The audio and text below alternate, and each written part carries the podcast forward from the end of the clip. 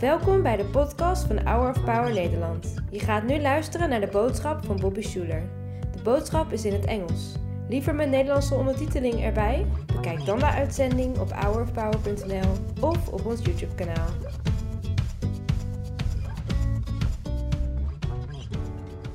Many of you um, today are in a season of eating manna. You know, in the wilderness in the Bible, God provides this bread from heaven, and we're going to talk about it later. And, it's, and it, it sort of keeps the people alive, but isn't like a great meal.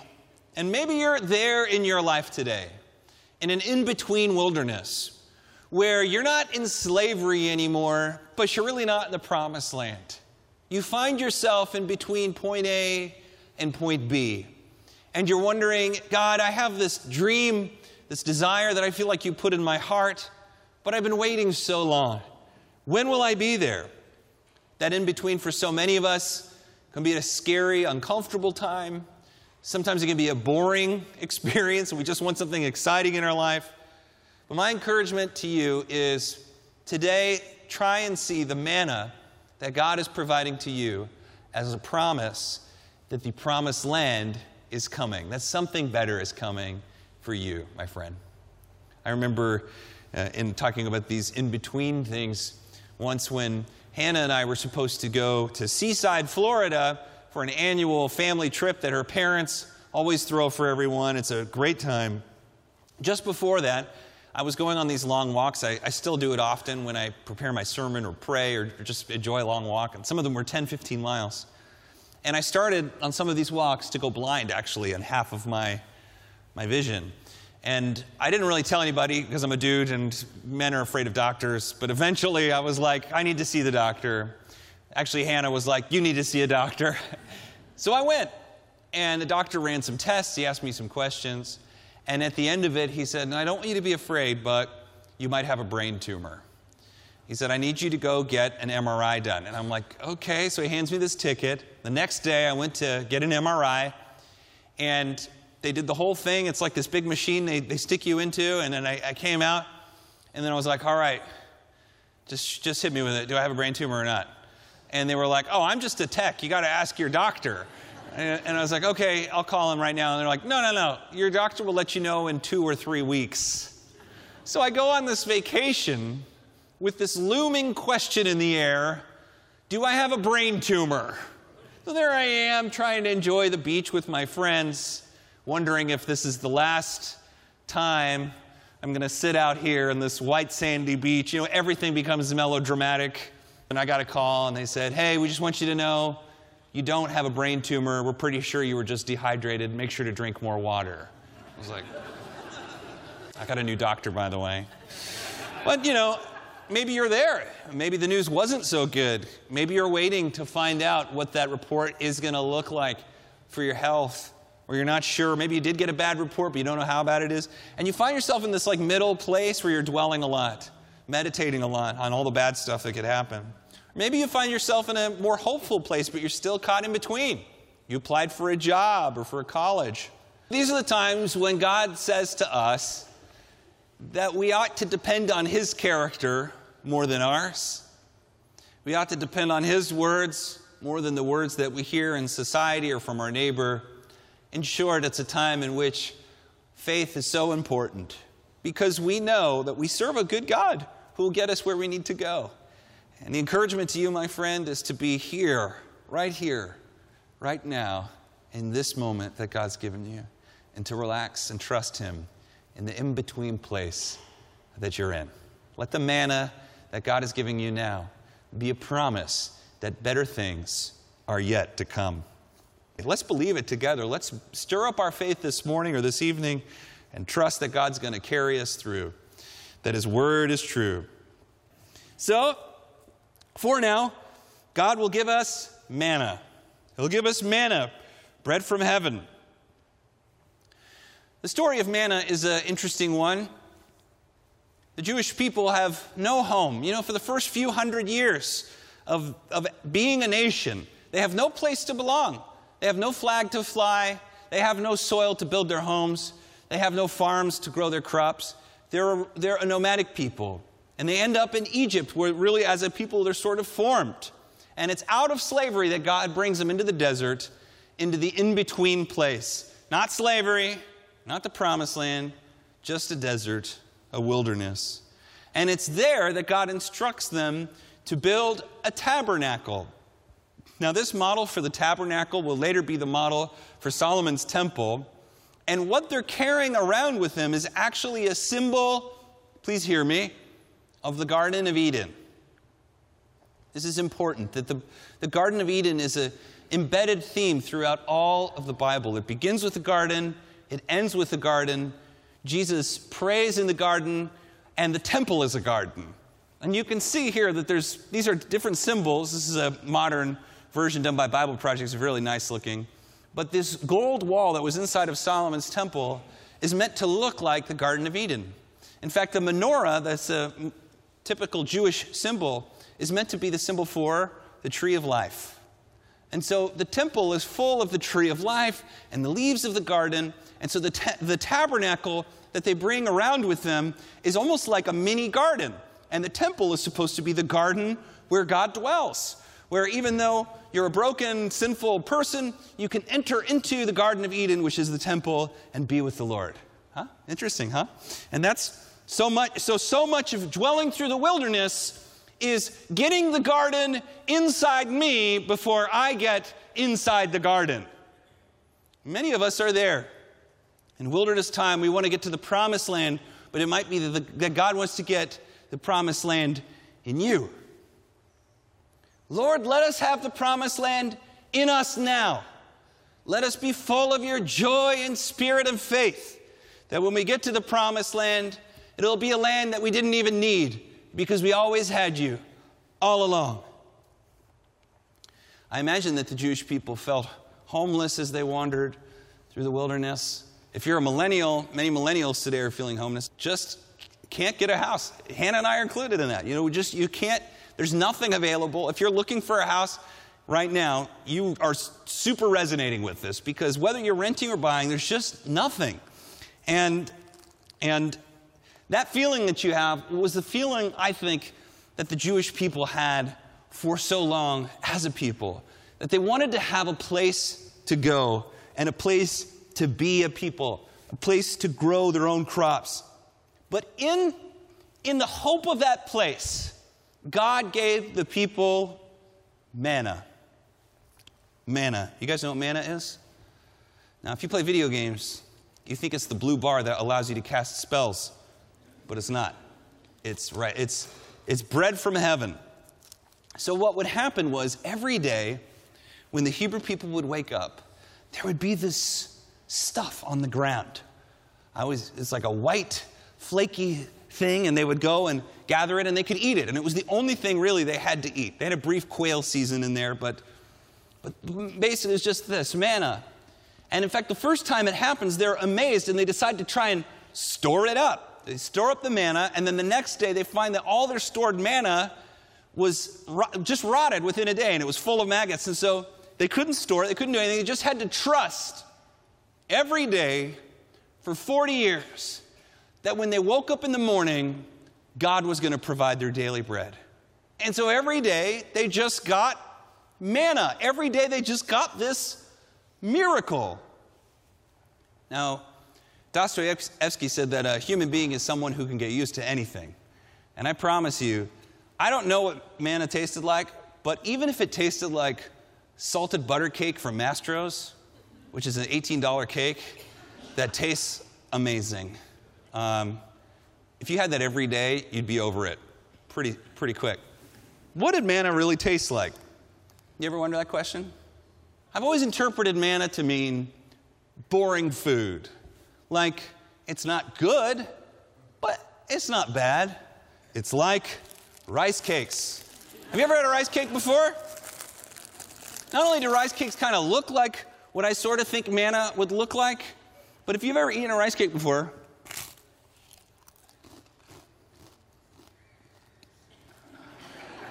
you know, if it's not good, but it's not bad. That's what it is. just manna. I think, I think that's what it was like. I think they basically got rice cakes every day for 40 years. and when you think about it that way, even though it's a miracle, it's kind of a bummer miracle. You know, it's like a miracle, but it's not the promised land. It's not really what you'd hope for. You're glad to be alive. If it's not there, you'll miss it. But it's not, you know, it's not steak and wine, right? It's, it's not what they'd really hope for. Maybe you're there. Maybe you're in like a season in your life where you've got manna every day. It's always there. It's not good, but it's not bad. You'd miss if it wasn't there anymore, but you sure hope for something better someday. Can we agree today that manna is a promise? It's a promise of better days to come. That if God gives us the manna in the in between, God will bring us to the promised land. If God will give us manna now, He will give us grain from our land, cattle from our fields, wine from our grapes, bread from our silos, homes for our stead, soil to tread on, water to drink from. Manna now is a promise that even in our worst days, even in the deepest desert, God will take care of us. Manna is a promise today of better days to come. Will you believe with me today that better days are coming? That if all you've had for years is manna, that the promised land is coming for you? Will you believe for yourself today that God has a promised land for you? Will you refuse to give up on that dream, on that thing He put in your heart, and endure through the desert so you may reap crops from your own field? Let's make a promise together today that we'll be grateful for the manna, but we'll look forward to the promised land. Let's do that together today, can we? Amen. And that brings us to Joshua chapter 5. You know, Joshua, who's the great general leading the people, the great person of faith who told them all, God can do it. God can get us there. God will bring us there. When they cross the Jordan River into the Holy Land, it says, Then the Lord said to Joshua, Today I have ruled away the reproach of Egypt from you. So the place has been called Gilgal to this day. On the evening of the 14th day of the month, while camped at Gilgal on the plains of Jericho, the Israelites celebrated the Passover. It's very similar. We interpret that as like communion or Eucharist, where it's a celebration that the angel of death passed over the doorposts and for us, the angel passes over the doorposts of our hearts, the angel of death, that we can have life in Jesus Christ. And says, the day after the Passover, that very day, they ate some of the produce of the land, unleavened bread and roasted grain. The manna stopped the day after they ate this food from the land. There was no longer any manna for all the Israelites, but that year they ate the produce of Canaan. You know they were stoked about that. I remember when we were in Thailand, and uh, I love Thai food, by the way. I just love it. And uh, I thought being in Thailand was going to be a, just a miracle, you know. And we were there for, for two months. And I remember our first breakfast, they served us chicken, rice, and eggs. And I was like, it's a little odd for breakfast, but I'll try it. And it was great. And then lunch came, and it was chicken, rice, and egg. And then dinner came, and we got chicken, rice, and egg, and tea. And, uh, and then Two months later, we had had chicken, rice, and egg for every meal, every day for almost 60 days. And uh, I was over it. I was not into it. I think that they were excited when they got to eat some grain from their own land, some, when they got to eat from the land of milk and honey. I think you're going to be excited when God gets you to the promised land that you get to. If you find yourself in a season of in between, just four things I want you to do. I'm sure there's others, but this is just me talking. First, we got to recognize that in most cases, the manna phase of our lives is not bad or good, it's just kind of boring. It's boring, and, and boredom is hard, especially for Americans. We like to be doing stuff, we like to see progress. So, here, First of all, I would say, and this is the most important one don't turn to other gods or you'll be stuck in the wilderness forever. What a temptation it is when we're bored to go back to that old relationship that we know is bad for us, to go back to that old habit or that old thing that we used to do that we know wasn't good for us, but we're bored. And so we just go back. Or we find some, some shallow, hollow thing to build our life around. Don't do it. Don't turn your heart to other gods, or you'll be stuck in the desert forever. Can I say, so number two, if you're eating manna right now, and you, you're, you're not where you want to be, you're not in that relationship you want to have, you're not in your walk with God you want to be, or whatever it is, don't be embarrassed.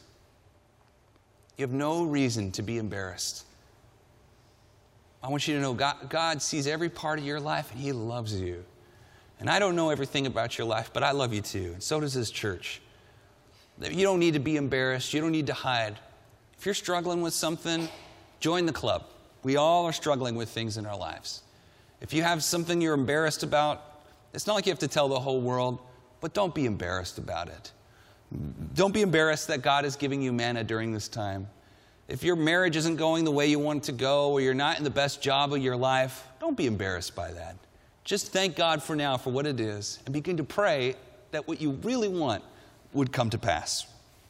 Number three, for some of us, that manna season is a job or like a responsibility. Many of you are caretakers, for example, or you're doing other things in your life that's, that's hard for you. And I just want to say see your job or your responsibility as a calling or a type of preparation. Most of us in our jobs, it's become rote. But try and see the person that you work with as someone you can minister to, that you can share your faith with, or pray for, or encourage. And finally, just be at peace with God's pace. God is never hurried, and there's nothing you can do about it. God is just never, ever in a hurry, and it's super annoying. Very often we would be like, come on, let's go. Let's go. Let's go on. But God is, He is not worried about anything.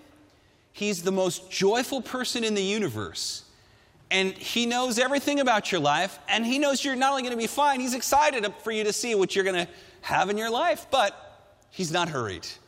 And so, one of the best things we can do is to yield to God's pace. Yes, you can work hard and you can hustle, but at the end of the day, it's so good to just say, Lord, I trust you with my life. I'm not going to hurry. I'm not going to worry. I'm going to trust my friend Jesus and share his love with my neighbor. And all God's people said, Amen. Bedankt voor het luisteren naar de podcast van deze week. We hopen dat deze boodschap jou heeft bemoedigd. Wil je meer weten over Hour of Power of dagelijkse bemoedigingen ontvangen? Ga dan naar www.hourofpower.nl.